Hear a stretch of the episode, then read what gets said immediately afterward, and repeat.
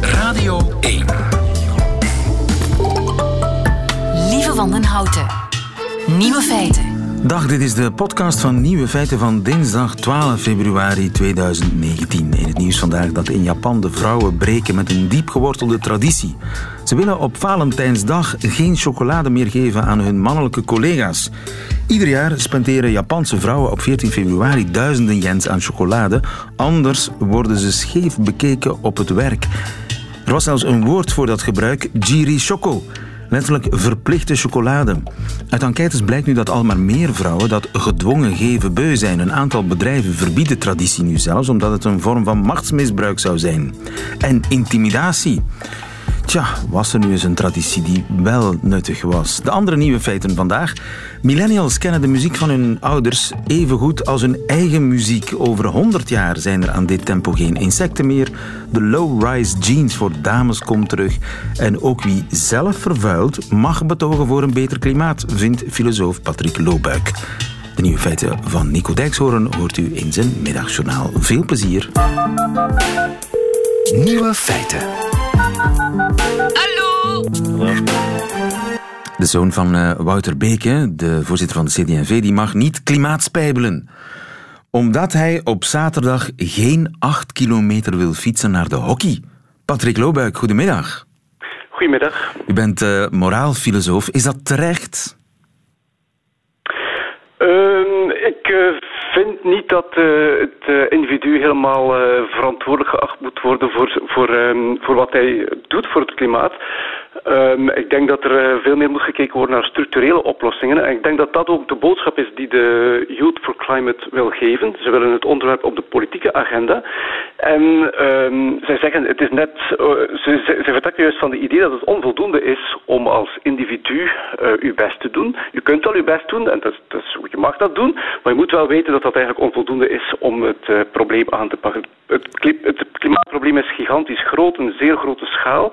En wij als individu kunnen daar eigenlijk zeer weinig aan doen. Dus, dus ik vind het een beetje een vals argument om de jongen niet te gaan laten betogen. Ja, dus hoewel je zelf vervuilt, mag je toch voor een beter klimaat gaan betogen? Uh, mijn kinderen, ik heb ook een zoon die gaat betogen en mijn zoon heeft bijvoorbeeld al een paar keer uh, gevlogen. En we hebben er ook al over gesproken thuis. Ja. Um, maar ik vind dat, hij, dat, dat, dat dat kan en dat dat niet per se uh, inconsistent is. Hè. Want als je het probleem helemaal individualiseert, dan, ja, dan moet je op een duur schuldgevoel gaan krijgen over je eigen bestaan. Hè, of over het feit dat ik kinderen heb. Hè. bovendien, als je het, als je het probleem individualiseert en de eigen, op het mensen hun eigen geweten speelt, ik denk dat dat ook contraproductief is, omdat mensen die dan niet meedoen met die klimaat acties en dus inderdaad nog eens de auto nemen of nog eens vliegen, dat die zich dan gaan, als slechte mensen gaan voelen. En die gaan zich dan afkeren van de hele problematiek. En dat is dan eigenlijk weer slecht voor het uh, draagvlak. Uh, zo kan ik nog wel een aantal negatieve elementen noemen hoor. Het is volgens mij dus irrationeel en onwenselijk om volledig op het individueel geweten te spelen. De gedragsveranderingen die nodig zijn, die zijn van een dusdanige aard dat we dat structureel en systemisch moeten aanpakken door bijvoorbeeld Dus we moeten niet gaan kijken naar de persoon die gaat vliegen, we moeten gaan kijken naar hoe kunnen we bijvoorbeeld de kerosine belasten? Hoe kunnen we incentives geven aan, aan vliegtuigmakers om betere uh, toestellen te maken? Hoe kunnen we het treinverkeer beter uitbouwen? Dit soort dingen, zodanig dat we dan mensen de mogelijkheid geven om in vrijheid te kiezen hoe ze willen leven um, in, een, in een structuur die ecologisch rechtvaardig is. Ja, maar vele kleintjes maken toch één groot? Ja, zo kan je redeneren. En het is inderdaad mogelijk om een stukje de markt te beïnvloeden uh, door, uh, door collectief gedrag. Uh, dat wil ik niet ontkennen. Dus ik denk dat bijvoorbeeld nu al een beetje duidelijk is, onlangs las ik daar toch iets over, dat er iets minder vlees geconsumeerd wordt in in België. Uh, dat kan zijn doordat er daar een, een, uh, ja, een soort bewustmaking uh, speelt. Maar dan nog, hè, dat percentage is zodanig klein dat als je dat vergelijkt met de omvang, hè, die, die nood, de gedragswijziging die nodig is um, om, om het werkelijke probleem aan te pakken, dan is dat eigenlijk toch meestal een druppel op een hete plaat. Dus ik wil niet cynisch ja. klinken, hè, maar ik denk, goed, je mag je best doen en het is goed ook om een voorbeeld te stellen aan mensen bewust te maken. Ik let daar ook wel wat op. Hè. Maar ik wil een beetje waarschuwen, ga niet te snel met het moraliserende vingertje wijzen naar mensen die toch dingen doen om, om god weet welke reden. Dat kan ook een legitieme reden zijn.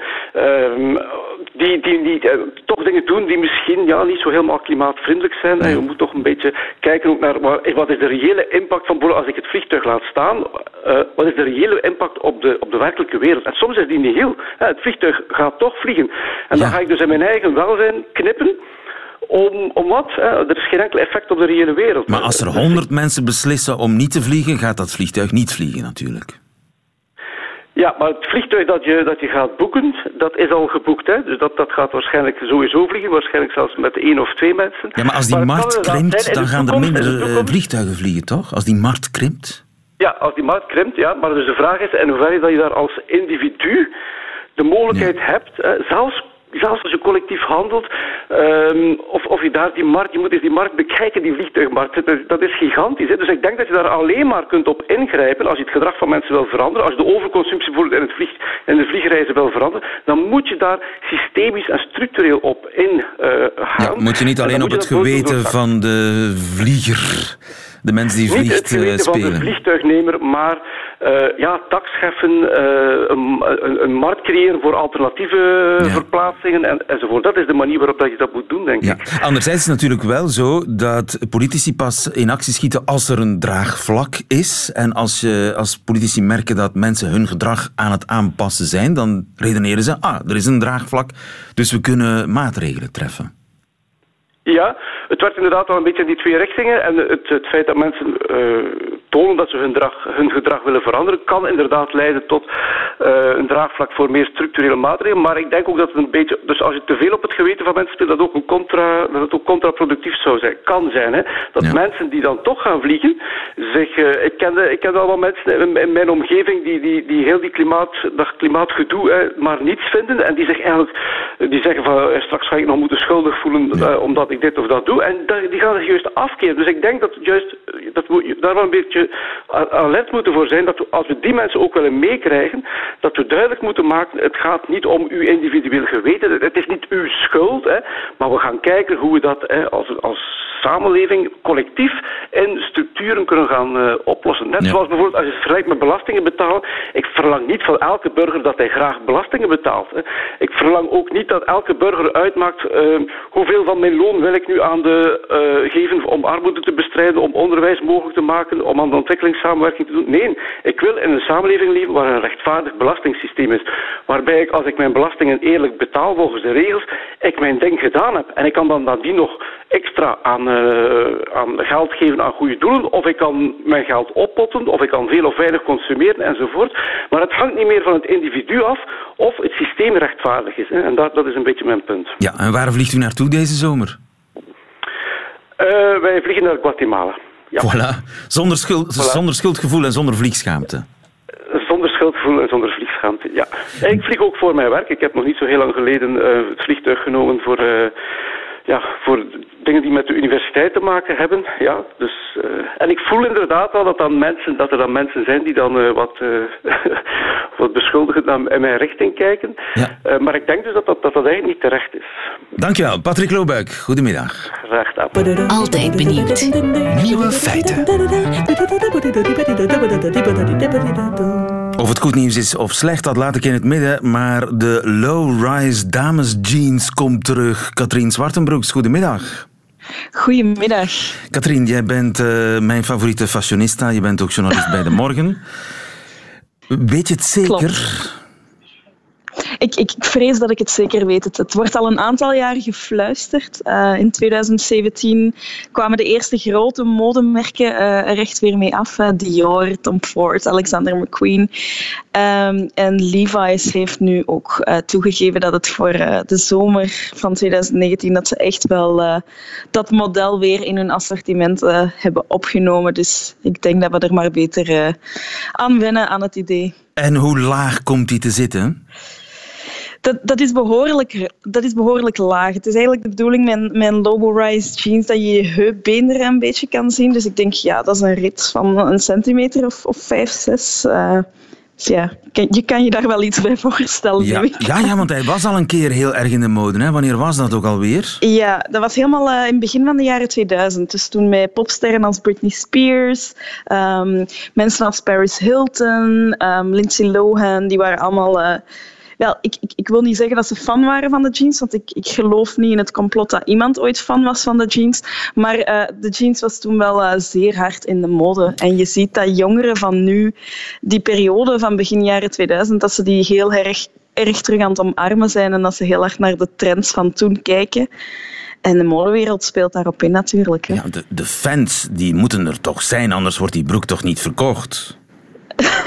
Wel, um, ik weet niet of jij al ooit jezelf in zo'n ding hebt gehesen, maar ik kan mij echt... damesjeans heb ik nog nooit geprobeerd. Ik heb al veel geprobeerd in mijn leven, geloof mij, Katrien, maar een damesjeans heb ik nooit gedragen. Wel, eh, eh, het is een, een heel lastig um, ding. Zo gezegd zou het uh, goed zijn voor mensen met lange benen en een kort bovenlijf. Uh, ik heb zo'n lijf. Ik heb een heel kort bovenlijf, maar niet. het Nee, maar het is vooral ook echt niet comfortabel. Als je gaat zitten, dan zakt dat ding dus halverwege je poep en je bilnaad is altijd geëxposeerd. Of, of herinner je je niet die, de, de strings die dan altijd langs achter uh, ja, ja, boven die ik dacht dat dat de bedoeling als een soort was. walvissenstaart. Wel, dat was de bedoeling, maar dat is niet comfortabel. Je, je, je nierbekken is constant blootgesteld aan de tocht. Dat is, dat is heel ongezond. Ik denk dat er ook wel dokters uh, misschien aan het luisteren zijn die dat kunnen bevestigen. Um, ja, je moet constant die jeans eigenlijk uit je bilnaad zitten pulken, omdat dat ding afzakt. En ja, nee, het is, het is verschrikkelijk. Het maar is, het niet net het is bovenal bedoeling ja, om een beetje met de grens van het fatsoen te flirten? Uiteraard. De, ik, ik, denk dat het daar inderdaad allemaal om draait. Maar ik, ik, ik, ik vind het er gewoon echt, zelfs bij, bij vrouwen die die geen grammetje vet aan hun lijf hebben, of bij vrouwen die hele mooie curves hebben. Of, ik vind het bij niemand er goed uitzien. Dus ik, ik, ik vrees ook er een beetje voor dat het dan uh, het doel voorbij streeft. Dat je dan gewoon bloot vlees laat zien, maar daarom niet op een, uh, op een fatsoenlijke wijze. En er zit dus zelfs niet eens een leeftijdsgrens op. Voor jou is het gewoon een, een no-go. Nee, ik ben, ik ben heel erg voorstander van iedereen draagt wat ze willen. Uh, maar het moet bovenal, ja, je moet je er bovenal goed in voelen. En ik zou heel graag hebben dat de mensen die zich goed voelen in een low-rise jeans, die mogen mij altijd een berichtje sturen. Uh, maar ik denk dat ik de eerste personen die dat voor hebben nog moet tegenkomen. De, de meest gehoorde reacties online toen werd aangekondigd van kijk, de low-rise jeans komt terug, was echt pure doodsangst en horror. Uh. doodsangst en horror. Hier en daar ja. valt de term droeve poep. Kun je me dat eens uitleggen? Droeve poep, ja. wat dat is? Dus de meeste mensen denken als ze een jeans kopen dat het vooral gaat om Um, ja, hoeveel stretch dat erin zit, of, of, of, moet het een brede jeans zijn of een smalle jeans. Maar eigenlijk de truc voor een hele mooie jeans is hoe de achterzakken geplaatst zijn op Aha, je billen. Leer mij eens iets bij. Ja, voilà. Dus het, het, beste is eigenlijk als die achterzakken een beetje um, mooi opgeleid zijn met je tailleband, zodat die achterzakken mooi uh, prompt op je billen staan. De achterzakken lager, op de billen? Op de billen, ja. Oké, okay, ik, ik, ik, sta eens even recht. Ik ga eens checken. Hè. Oei, ik, ik, trek nu spontaan mijn broek op. Dat is natuurlijk... Oei, bij mij zit ze toch een klein beetje daar... Uh, ja, ja, niet echt op, ja. een beetje onder. Maar ja, ik ben natuurlijk geen dame. Nee, en het, het, is ook... Je zegt ook, het is een beetje. Um, terwijl bij een low-rise jeans, die zakken, die hangen echt onder je billen bijna. Die beginnen in het onderste deel van je billen. Dus dat, dat trekt optisch gezien je hele poep naar beneden. En ja, dat ziet er gewoon echt heel erg droevig uit. Dat ziet er, gewoon, dat, dat ziet er altijd zo, zo sip uit. Dat, dat, dat, is ook effectief een term, dat is sad butt syndrome. Sad butt syndrome ja. krijg je ervan. Is, ja. is er eigenlijk een equivalent voor heren, voor de low-rise dames jeans? Wel, de heren hadden natuurlijk ook de low-rise jeans. Hè. Dat waren die brede broeken waar je dan je boxershirt mooi uh, ja, maar dat is gewoon op kon een, laten dat, dat is zien. gewoon Maar die... twee maten te groot gekocht. Wel ja, dat is een jeans die inderdaad op je heupbeenderen hangt. En ik kan me wel voorstellen dat die dingen wel eigenlijk heel comfortabel zitten. Nu, ja, dat je die ook wel de tijd moet optrekken bij het wandelen. Um, dus ik, dat, zal ook wel um, Komt terug, dat ook terug? in de winkels verschijnen, de denk ik. Ja. als het ware. ja, met het hele lage kruis. Hè, dat, ja, Dat, is, dat is geen sad but, dat is no but. Dat is, dat is effectief no but. Dat is ook een beetje sad, dus. Ja. Ja, doe er iets aan. Hè. Jij, jij bent een fashionista, jij kunt de trend zetten, toch?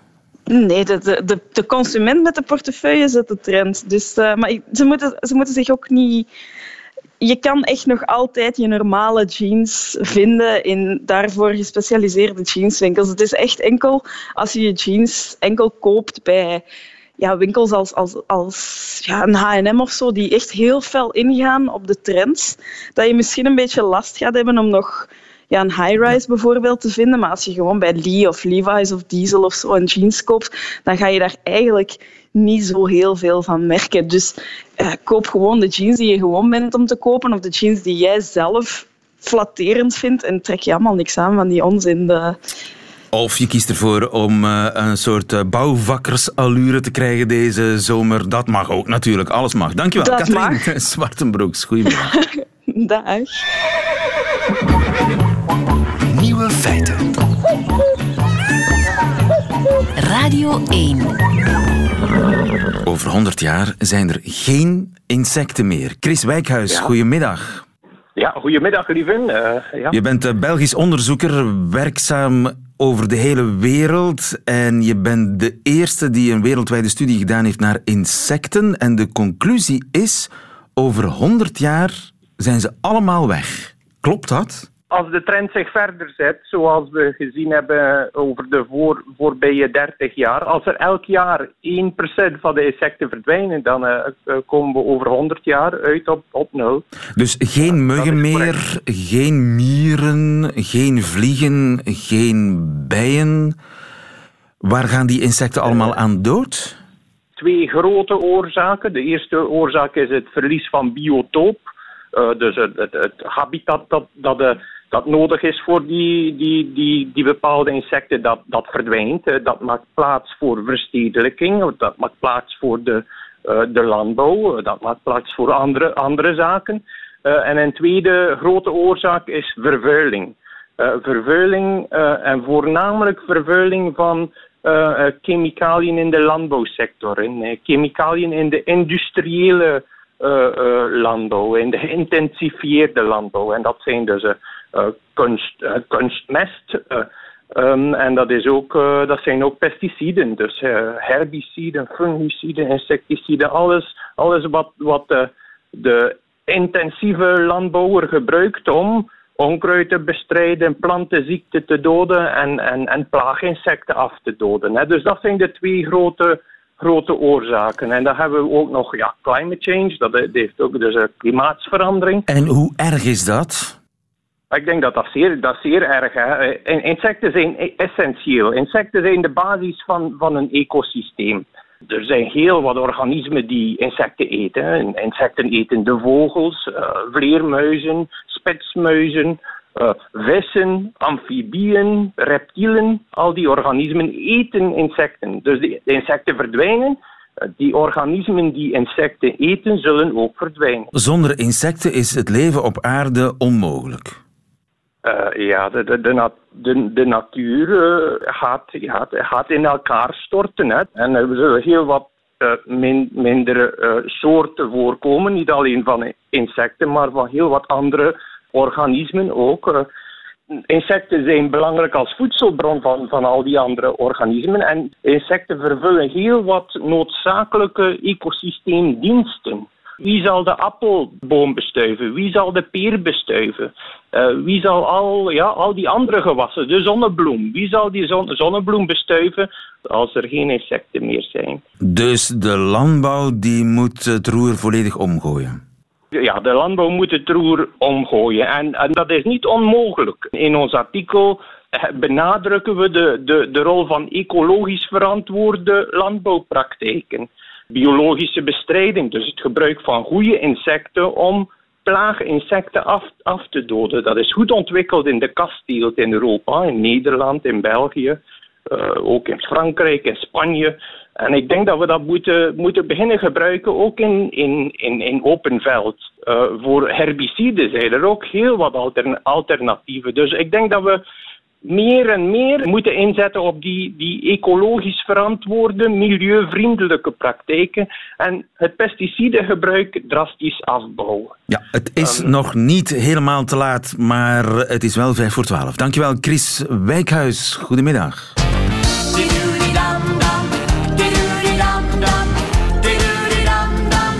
Nieuwe feiten. Een nieuw feit van formaat. Ik schrik nog altijd van mijn nieuwe jingles. Eh, millennials. Millennials die kennen de muziek van hun ouders even goed als de muziek uit hun eigen jeugd. Mark Leman, goedemiddag. Ja, goedemiddag. U bent professor Ehm, in de muzikologie aan de Universiteit van Gent. Het zijn collega's van u in eh, New York aan de New York University.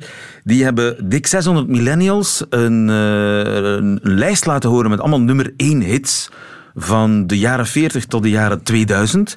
En wat bleek, dat zij de oude songs even makkelijk herkennen als de nieuwe songs. Verbaast u dat? Ja, wel, eh, even gemakkelijk eh, is niet helemaal juist, maar ehm, bijna even gemakkelijk, laat ons zeggen. Dus eh, ze herkennen de, de nieuwe songs het best. de songs die na 2000, eh, pak na 2000 eh, gemaakt zijn. En dan, dat gaat in dalende lijn, maar dan tot, tot de jaren 60 eh, blijken ze de, de songs eh, vrij goed eh, te te kennen. Ja, waar, waarmee heeft dat te maken? Dat heeft eh, te maken met het feit onder andere dat zij dus eh, blootgesteld worden ook aan die muziek, aan de muziek van die periode, via, eh, via wat ze zien op YouTube, via de radio, die regelmatig muziek uit die periode speelt ook. En natuurlijk is er ook een, een ander belangrijk fenomeen, dat is dat de muziek van de jaren 60, de popmuziek, want het gaat hier dus wel degelijk over popmuziek, dat de stijl van de popmuziek wel min of meer dezelfde gebleven is eh, gedurende heel die periode tot nu. Het is mogelijk dat dat in de toekomst verandert door migratie enzovoort, dat we bijvoorbeeld meer, meer Arabische of Afrikaanse invloeden krijgen en dat dan de stijl helemaal anders wordt. Maar de popmuziek is vanaf de jaren 60 tot nu vrij vrij identiek gebleven qua Ja. stijl. En Dus hij is eigenlijk vrij toegankelijk door allerlei eh, eh, kanalen, YouTube. de, wij, als, toen wij jong waren, dan hadden we alleen maar één bron of een paar bronnen, maar de radio was de belangrijkste bron en die draaide natuurlijk de hits van dat moment. Ja, ja, ja. terwijl nu natuurlijk eh, ja, zijn er veel nieuwe media waar, waar eh, ja, die, die muziek eh, in aan bod komt. Dat gaat over filmpjes op YouTube of Spotify. Ja, mensen kunnen hun muziek zelf kiezen. En ofschoon ze niet direct de muziek kiezen uit, uit van, van eh, die oudere muziek, niet, niet direct kiezen, worden we er, toch aan blootgesteld doordat ja, aller, allerhande media eh, op ons afkomen en Juist. dat we die muziek eh, ondergaan. Dat is de statistiek. Zeg professor, toevallig twee derde van mijn redactie bestaat uit millennials. Zal, zullen we dat even checken bij de millennials? Gilles Wijkmans en Babette Monen, welkom. Hallo. Hallo. Herkennen jullie zich in dit verhaal? Dat eh, alle muziek is beschikbaar via Spotify, YouTube en dus... Ik haal het meeste van mijn muziek inderdaad van Spotify en YouTube. Dus daar herken ik mij wel in. Ja, en ik moet ook wel zeggen, mijn, in de lijst van meest afgespeelde nummers van het afgelopen jaar stonden er bij mij ook dingen in van Elvis Presley, eh, Jerry Lee Lewis, eh, Wanneer ben jij geboren? 89. Schoft. En jij? 93. Nog erger.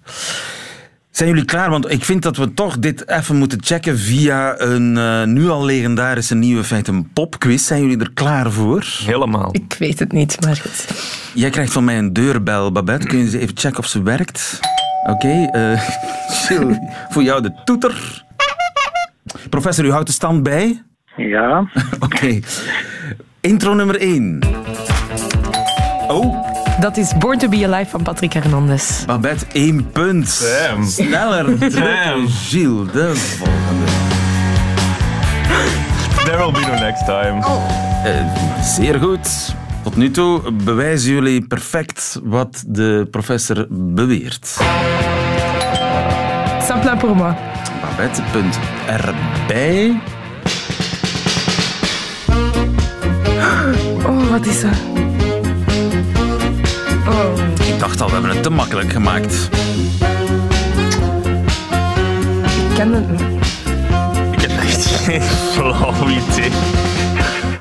Kingston, Kingston. Ja. Lou en de Hollywood Bananas. Geen punten. Het is allemaal Belgische muziek overigens. klassieker in het genre.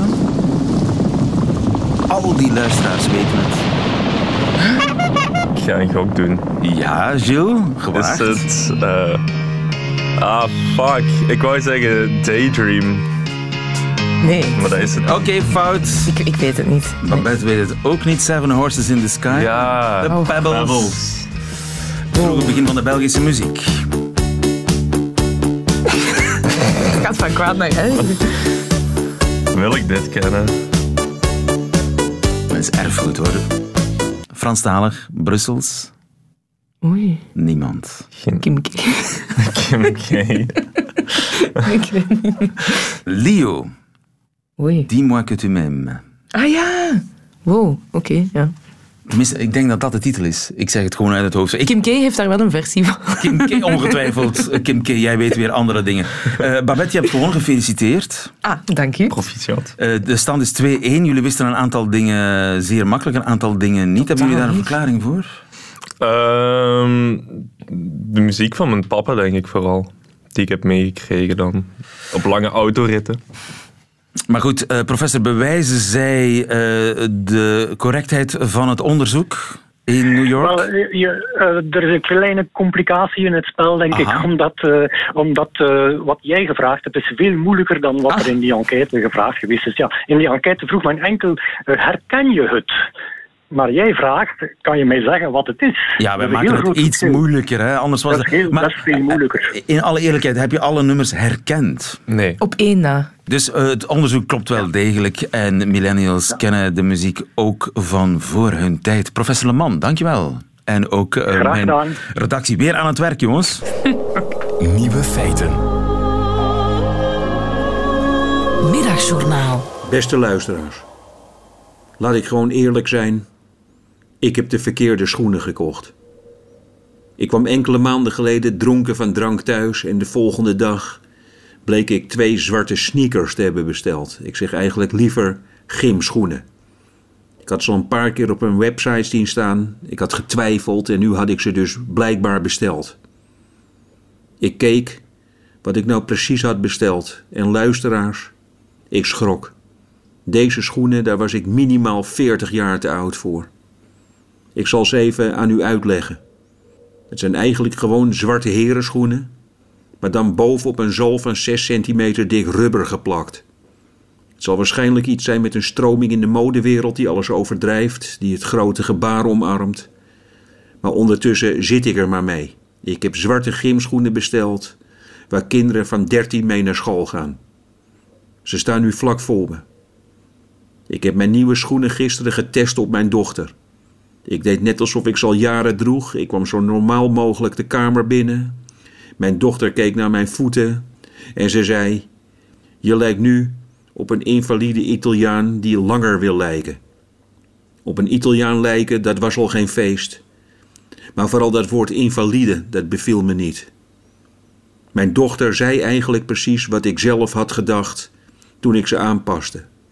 Ik leek op iemand met een klompvoet. Op iemand die voor het eerst op zijn aangepaste schoenen enkele meters probeert te lopen. En dat was nou niet helemaal de look waar ik naar op zoek was geweest. Ik wist natuurlijk ook wel dat ik geen hedendaags stijlicoon was, maar die twee zwarte bakstenen met een kilo rubber aan mijn voeten, die hielpen nou ook niet echt als het om zelfvertrouwen ging. Luisteraars, ik zit in een rare fase. Ik doe de schoenen af en toe aan en dan ga ik voor een spiegel staan en dan kom ik toch iedere keer tot dezelfde conclusie. Daar staat een oude man met een horrelvoet en hij doet alsof hij nog 14 jaar oud is. En toch stuur ik ze niet terug. Ik zet ze op een duidelijk zichtbare plek, zodat ik meerdere malen per dag word herinnerd aan mijn echte leeftijd. Bijna 59 jaar oud. Het wordt tijd dat ik een paar schoenen koop die bij mijn leeftijd horen.